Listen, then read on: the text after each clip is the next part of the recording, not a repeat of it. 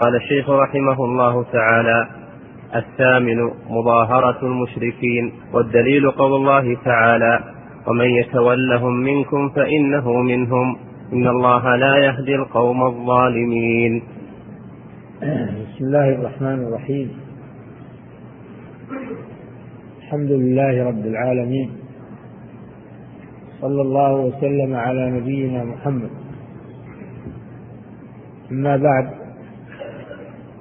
قال الشيخ رحمه الله الثامن أي من نواقض الإسلام. مظاهرة المشركين ومعاونتهم على المسلمين. الدليل قوله تعالى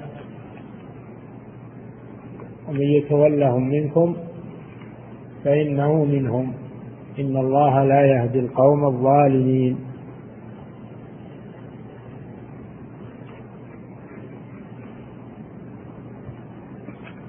الشيخ رحمه الله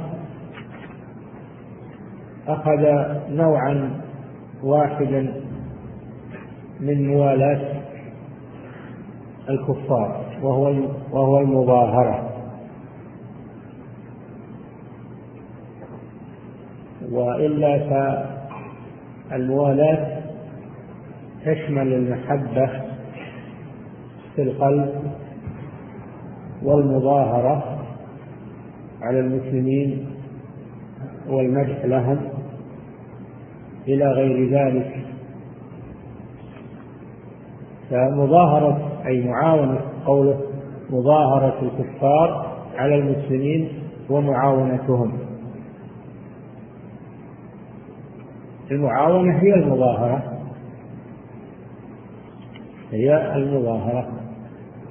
الظاهر أنه من عطف التفسير. المظاهرة معناها المعاونة. معاونة الكفار على المسلمين.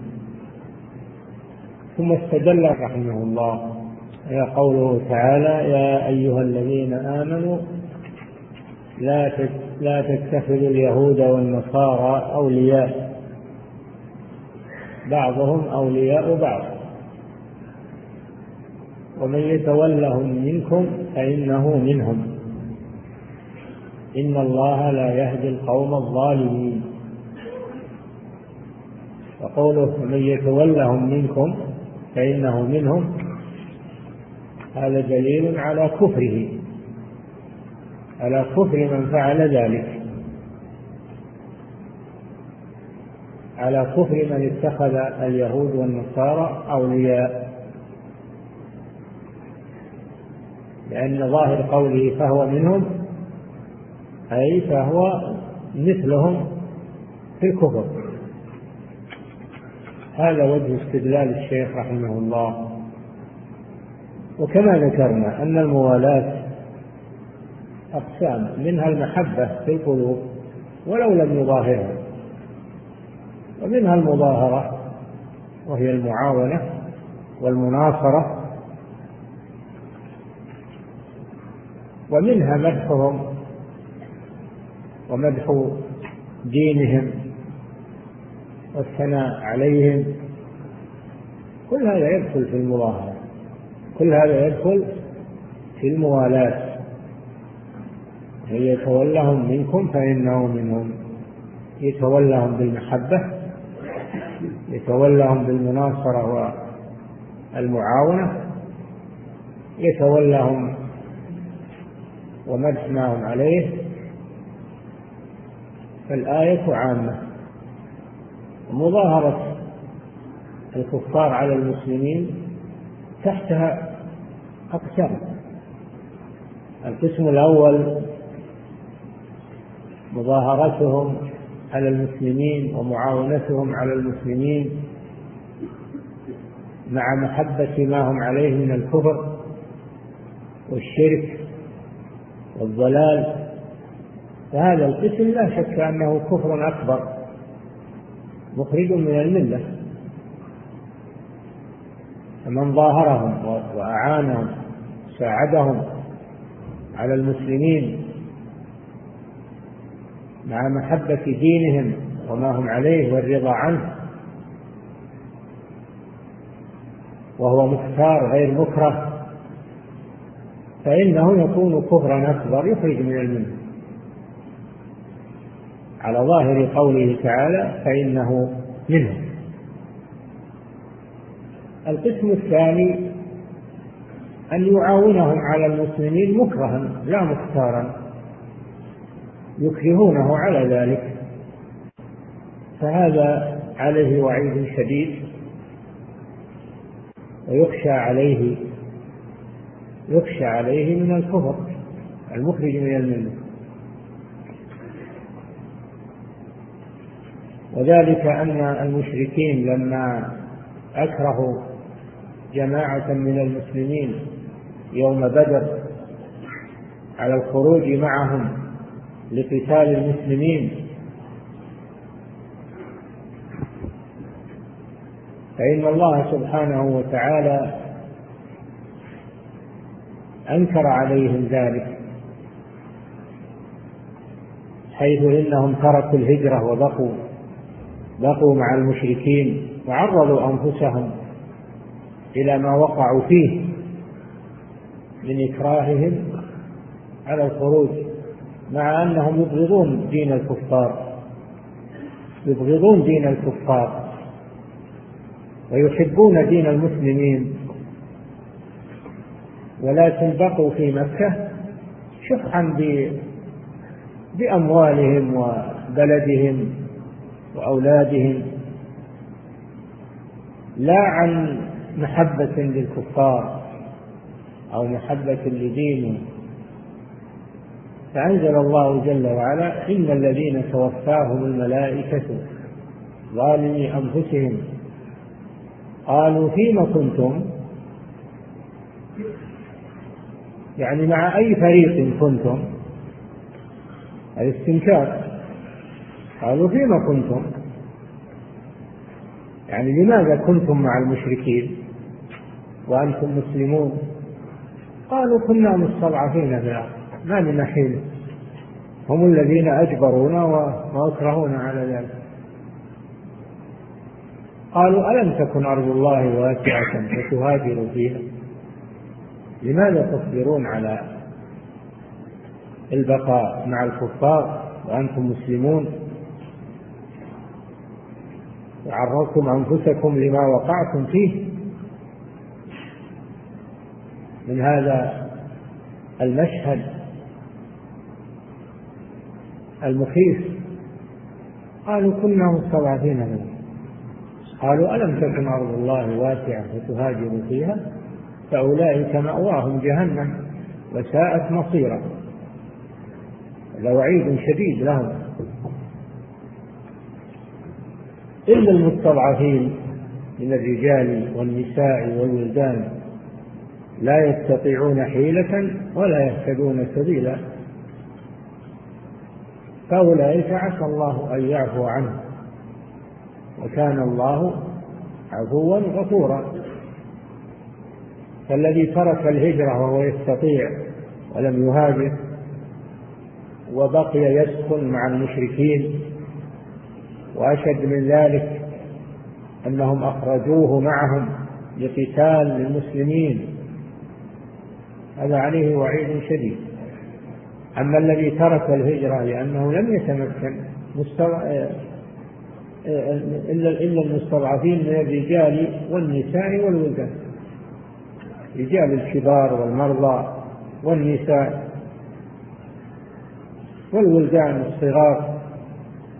فهؤلاء معذورون في بقائهم. معذورون في بقائهم لأنهم لا يستطيعون الهجرة. الله جل وعلا يقول لا يكلف الله نفسا إلا وسعها. وهذه حالة أو قسم آخر.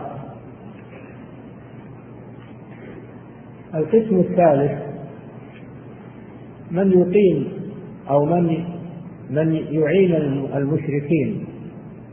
على الكفار وهو غير مكره.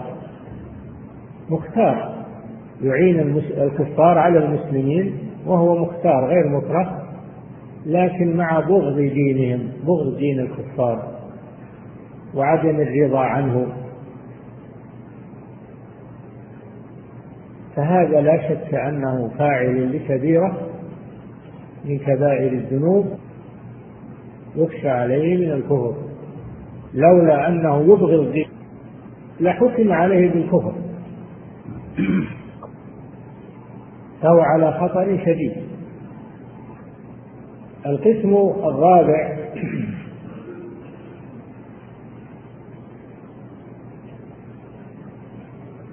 القسم الرابع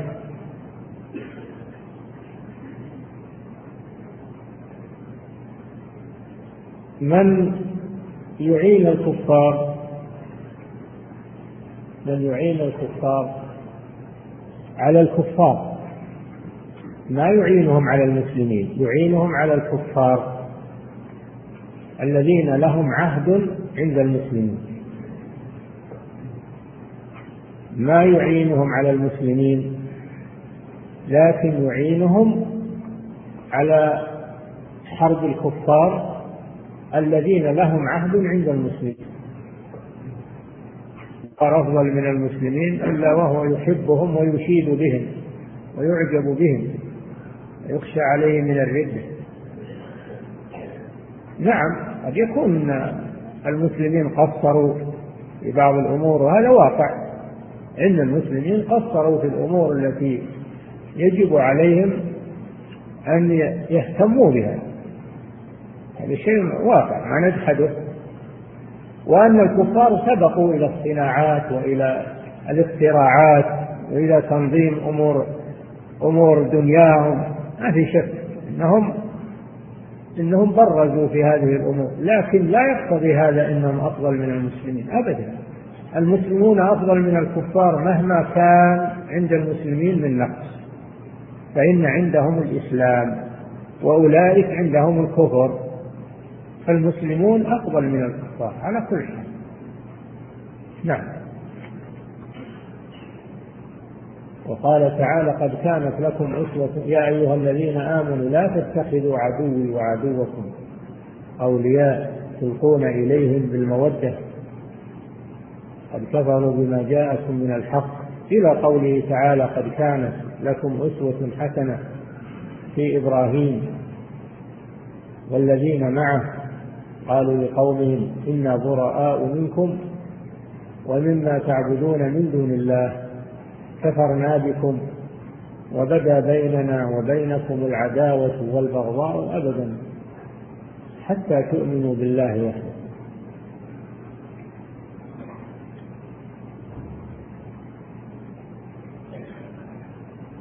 فالسورة سورة الممتحنة كلها في هذا الموضوع كلها في تحريم مودة الكفار.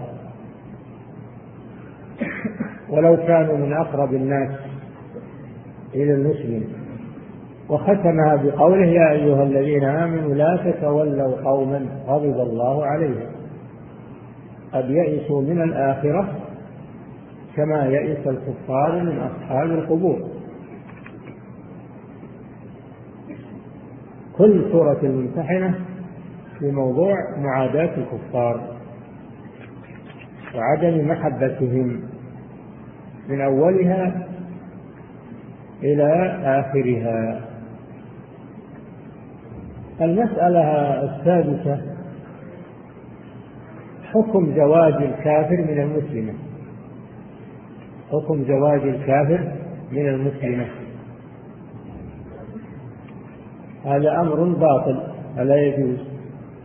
أن يزوج كافر من مسلمة سواء كان يهوديا أو نصرانيا أو وثنيا أو دهريا ملحدا لا يجوز إطلاقا تزويج الكافر من المسلم لقوله تعالى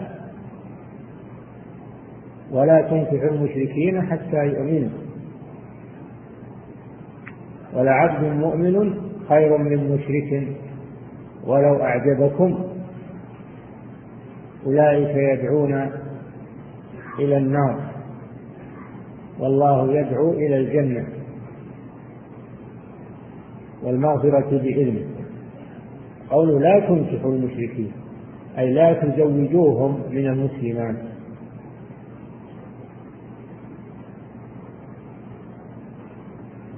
حتى يؤمنوا.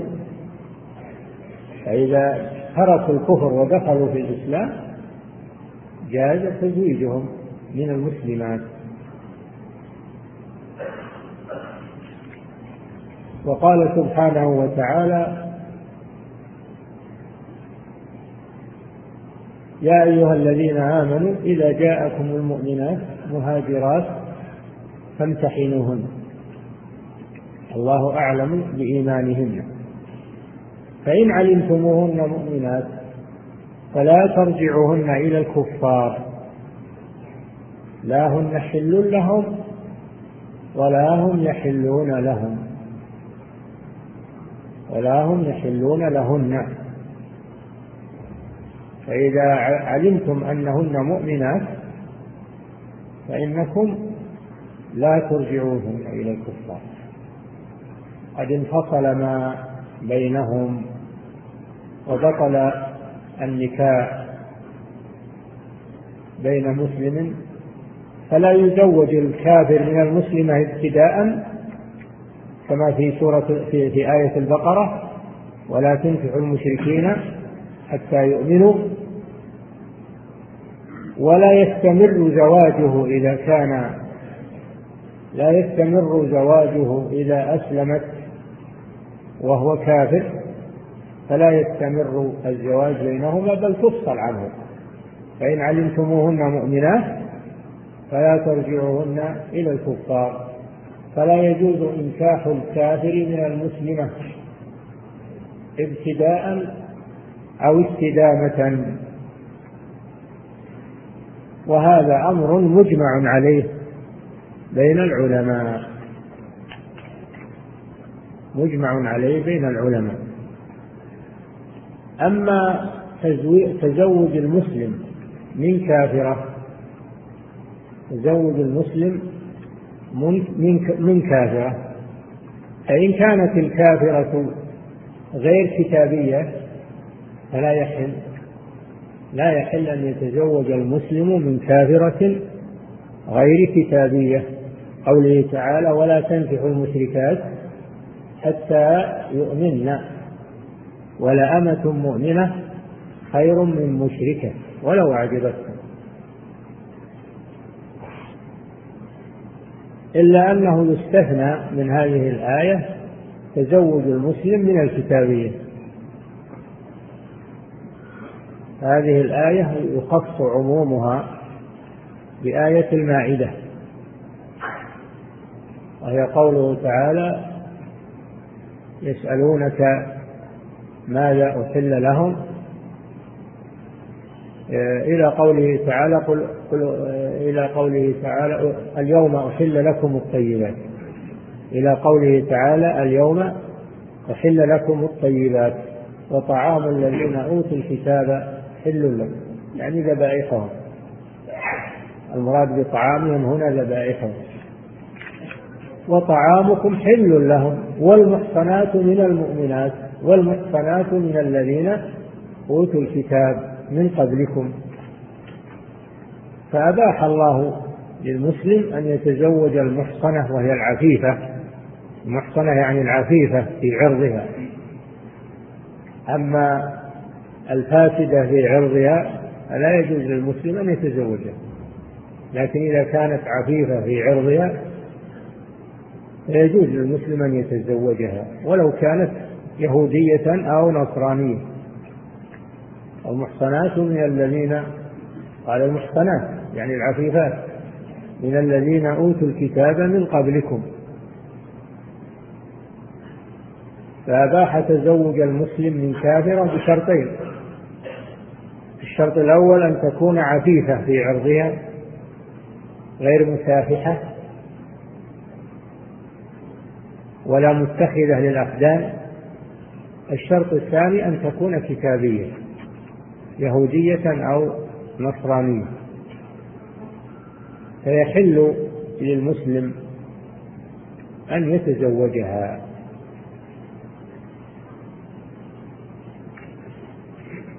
لكن قد يقال معلوم ما يكون بين الزوجين من المودة. وجعل بينكم مودة ورحمة. فكيف يتزوج كتابية كافرة وهو يودها؟ هل يجوز مودة المسلم للكافرة؟ الجواب أن يقال المودة الزوجية لا بأس بها أما المودة الدينية إنها لا تجوز. المودة الزوجية هذه محبة طبيعية. لا بأس بها. أما المودة الدينية محبة دينها فهذا لا يجوز. يبقى على الأصل على العموم. فلا يجوز لمسلم أن يحب دين الكفار ولو كانت ولو كانت زوجته كتابية يهودية أو نصرانية. بقي عندنا مسألة مسألة مكافأة الكفار على إحسانهم على إحسانهم إلى المسلمين. إذا أحسنوا إلينا فإننا نكافئهم على إحسانهم. لا محبة لهم وإنما نكافئهم على صنيعهم فقط على صنيعهم. قال تعالى لا ينهاكم الله عن الذين لم يقاتلوكم في الدين ولم يخرجوكم من دياركم أن تبروهم وتقسطوا إليهم. إن الله يحب المقسطين. فإذا كان الكفار لم يقاتلوا المسلمين ولم يعينوا من يقاتلهم وكان لهم يد عند المسلمين فإن المسلمين يكافئونهم على إحسانهم وليس هذا من الموالاة وإنما هذا من المكافأة ورد الجميل فقط. ولا شك أن الإسلام يحث على الإحسان ويحث على رد الجميل. ولئلا يبقى للكافر على المسلم منة فيرد عليه الجميل لئلا يبقى له منة عليه. ففي رده الجميل فوائد وفيه ترغيب لهم في الإسلام. إذا تعاملنا معهم معاملة حسنة وهم لم يقاتلونا ولم يعينوا من يقاتلنا وتعاملنا معهم معاملة حسنة فهذا سبب لدعوتهم إلى الإسلام وهو مكافأة على جميل صنعوه مع المسلمين. وفيه أيضا أنه ما يبقى لهم يد لا يبقى لهم إذا كافأناهم على على جميلهم لم يبقى لهم يد يدلون بها علينا. نقول أعطيناكم مثل ما أعطيتونا وكافأناكم فلم يبقى لكم يد تدلون بها علينا. أيضا يتعلق بهذا الموضوع مسألة المعاملة مع الكفار البيع والشراء. المعاملة الدنيوية مع الكفار. في تبادل التجارة والمنافع. هذا أمر مباح. ما زال المسلمون يستوردون من الكفار من من عهد النبي صلى الله عليه وسلم يستوردون السلع ويشترونها ويبيعون على الكفار ويشرون منهم الثياب. والمواشي والأسلحة وغير ذلك. فهذا ليس من الموالاة هذا من تبادل المنافع والمصلحة فيه للمسلمين.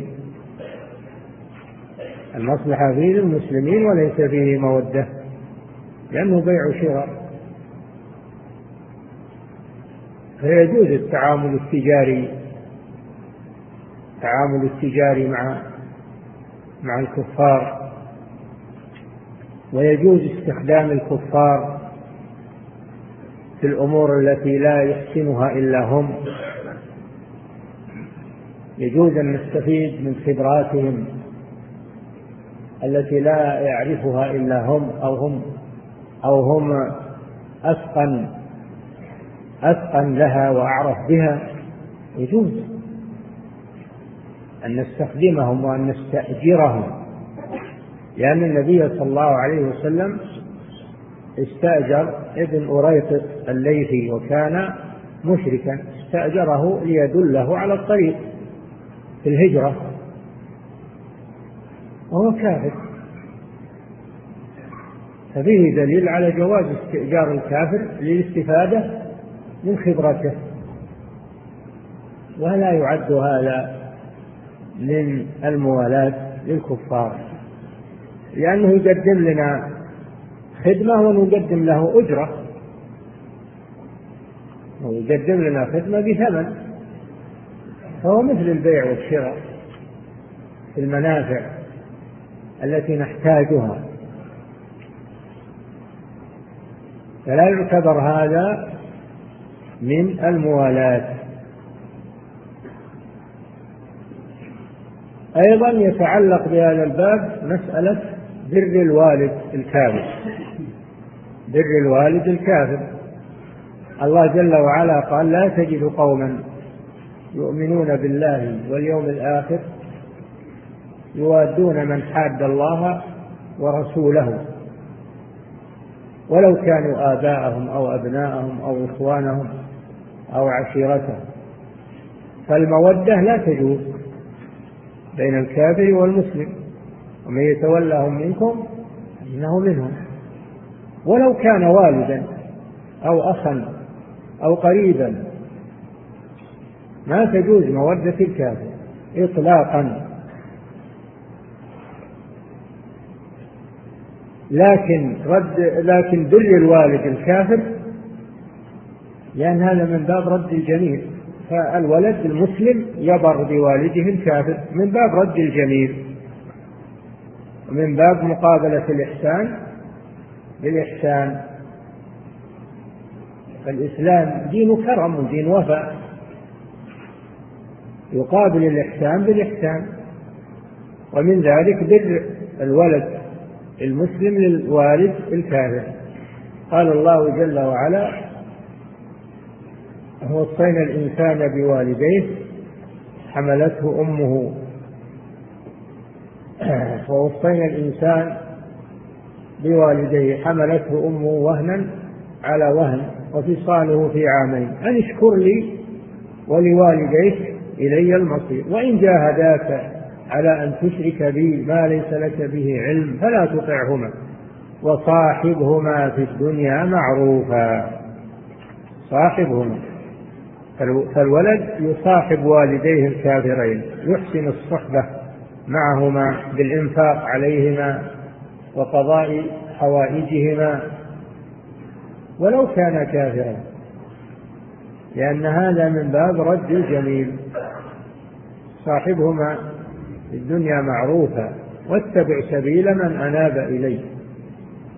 في الدين اتبع الرسول صلى الله عليه وسلم. ولا تتبع دين والديك. وليس هذا من البر بوالديك. أما في مسألة الدنيا فإنك تبر بهما لأنهما أحسن إليك وربياك وأنفقا عليك فأنت ترد جميلهما ولو كان كافرين صاحبهما في الدنيا معروف.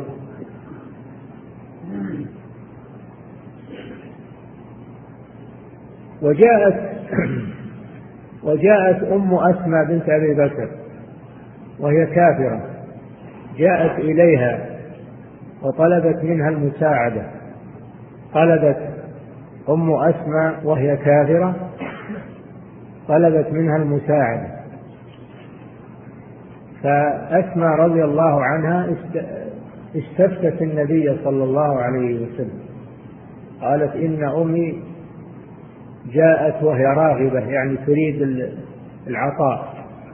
أفأصلها؟ قال صلى الله عليه وسلم نعم صلي أمك فأفتاها صلى الله عليه وسلم بأن تصل أمها وهي كافرة وليس هذا من باب المودة والمحبة الدينية وإنما هي من باب رد الجميل إلى الوالد الذي رباك وأحسن إليك.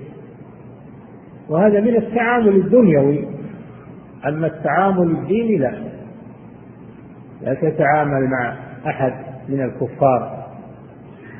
تعاملا دنيويا بالمحبة والمناصرة والمعاونة المظاهرة لا تتعاون معه ولا تتعامل معه في هذه الأمور. أما أنك تتعامل معه في أمور الدنيا إذا كان له ما يبرر هذا الشيء فلا مانع من ذلك. فدين الإسلام دين كرم ودين وفاء لا يجحد المعروف حتى ولو من الكفار بل يقابله بالمعروف والإحسان. وصاحبهما في الدنيا معروفا واتبع سبيل من أناب إلي. إلي مرجعكم فأنبئكم بما كنتم تعملون. كذلك يجوز للمسلمين أن يداروا الكفار المداراة المداراة جائزة. إذا خشي المسلمون من شر الكفار فإنهم يدارئونهم دفعا لشرهم عن المسلمين. قال الله جل وعلا لا يتخذ المؤمنون الكافرين أولياء من دون المؤمنين. ومن يفعل ذلك فليس من الله في شيء. يعني اللي, اللي تولى الكفار الله تبرأ منه. اللي تولى الكفار بالمحبة والمناصرة والمظاهرة الله تبرأ منه فليس من الله في شيء. قال جل وعلا إلا أن تتقوا منهم تقاة تقاة وهي المداراة إذا خشي على المسلمين من شرهم فللمسلمين أن يدرأوا شرهم. أن يدرأوا شرهم. وليس هذا من الموالاة وإنما هو من دفع الضرر عن المسلمين إلا أن تتقوا منهم تقاة ويحذركم الله نفسه وإلى الله المصير. فنحن نداريهم بمعنى أننا ندفع شرهم بالمال نعطيهم المال دفعا لشرهم. نعطيهم ما يريدون من أمور الدنيا دفعا لشرهم عن المسلمين. وليس هذا من الموالاة وإنما هو من المدارات. لدفع شر الكفار عن المسلمين إلا أن تتقوا منهم تقاة. والتقاة والتقية والمداراة بمعنى واحد. أما المداهنة في فرق بين المداراة والمداهنة. بعض الناس ما يفرق بين المداراة جائزة ومتى تجوز؟ عند الضرورة. لدفع شر الكفار. عند الضرورة. أما المداهنة وهي التنازل عن شيء من الدين من أجل إرضاء الكفار هذا أمر لا يجوز مطلقا. لا تجوز المداهنة وهي التنازل عن شيء من الدين إرضاء للكفار. قال الله جل وعلا فلا تطع المكذبين ودوا لو تدهنوا فيدهنون. قال سبحانه لما ذكر القرآن وإنزال القرآن العظيم قال أفبهذا الحديث أنتم مدهنون؟ تتركونه من أجل إرضاء الكفار. هذه المداهنة المداهنة لا تجوز. ولما طلب الكفار من النبي صلى الله عليه وسلم في مكة أن يعبدوا الله سنة والرسول يعبد آلهتهم سنة. أرادوا مصالحة مع الرسول صلى الله عليه وسلم في أنهم يعبدون إله محمد سنة والرسول يعبد آلهتهم سنة. نهاه الله عن ذلك وأنزل قوله تعالى قل يا أيها الكافرون لا أعبد ما تعبدون ولا أنتم عابدون ما أعبد ولا أنا عابد ما عبدتم ولا أنتم عابدون ما أعبد لكم دينكم ولي دين. نهاه أن يجيبهم إلى ذلك وأن يتنازل عن شيء من الدين من أجل إرضائهم. فلا يجوز التنازل عن شيء من الدين من أجل إرضاء الكفار مهما بلغ مهما كلف الأمر. المداهنة لا تجوز. وقال سبحانه وتعالى وإن كادوا ليفتنونك عن الذي أوحينا إليك لتفتري علينا غيره وإذا لاتخذوك خليلا ولولا أن ثبتناك لقد كدت تركن إليهم شيئا قليلا. إذا لأذقناك ضعف الحياة وضعف الممات. ثم لا تجد لك علينا نصيرا لا يجوز مداهنة الكفار بتنازل عن شيء من دين الإسلام من أجل إرضائهم. المداهنة لا تجوز مطلقا. وأما المداراة فإنها تجوز عند الضرورة. رخصة من الله سبحانه وتعالى. إلا أن تتقوا منهم تقاتل. ما يدفع شرها. فيجب معرفة هذه المسائل لأنها تلتبس على كثير من الناس. بعض الناس يتساهل في شأن الموالاة الولاء والبراء. يقول هذا من باب هذا من باب حسن التعامل. وإظهار الإسلام بمظهر المسامح ومظهر آه، الدين المتسامح وأنه ليس فيه كراهية ولا بغضة هذا كلام باطل. هذا كلام باطل. الإسلام فيه فيه كراهية ومحبة. فيه ولا وبراء ما هو دين محبة كما يقولون وليس دين كره. ولا الإسلام لا يكره أحدا. دين محبة لا كراهة فيه. دين تسامح. هذا كلام باطل. الإسلام دين عزيز دين قوي. ولا تسامح مع الكفار أو تنازل مع الكفار فيه عن شيء من الدين أبدا. هذا فريق من الناس يدعو إلى التساهل وإلى أن المسلمين ما يقولون شيء ولا يجاهدون في سبيل الله ولا يقاتلون والإسلام ليس دين قتال يقولون. الإسلام دين رحمة. نعم هو دين رحمة لكن رحمة بالمؤمنين. دين رحمة بالمؤمنين. وهناك فريق آخر يتشدد. فيعتبر التعامل مع الكفار مطلقا موالاة. التعامل مع الكفار مطلقا موالاة. ولا يفصل هذا التفصيل الذي ذكره الله في كتابه. فينبغي معرفة الأمور تنزيل الأحكام الشرعية على منازلها وأن لا نخلط بين الحق والباطل. ولا نقول للإسلام أنه ما أنه ما يتعامل مع الكفار أبدا وأنه دين قسوة ودين غلظة ودين شدة لا. الإسلام فيه دين رحمة وفيه غلظة. فيه غلظة وفيه رحمة. قال تعالى يا أيها الذين آمنوا قاتلوا الذين يلونكم من الكفار وليجدوا فيكم غلظة. قال تعالى يا أيها الذين آمنوا من يرتد منكم عن دينه فسيأتي الله بقوم يحبهم ويحبونه أذلة على المؤمنين أعزة على الكافرين. أعزة يعني يقوية على الكافرين. يجاهدون في سبيل الله ولا يخافون لومة لائم. قال سبحانه وتعالى محمد رسول الله. والذين معه أشداء على الكفار رحماء بينهم. أشداء على الكفار ورحماء بينهم بين المسلمين.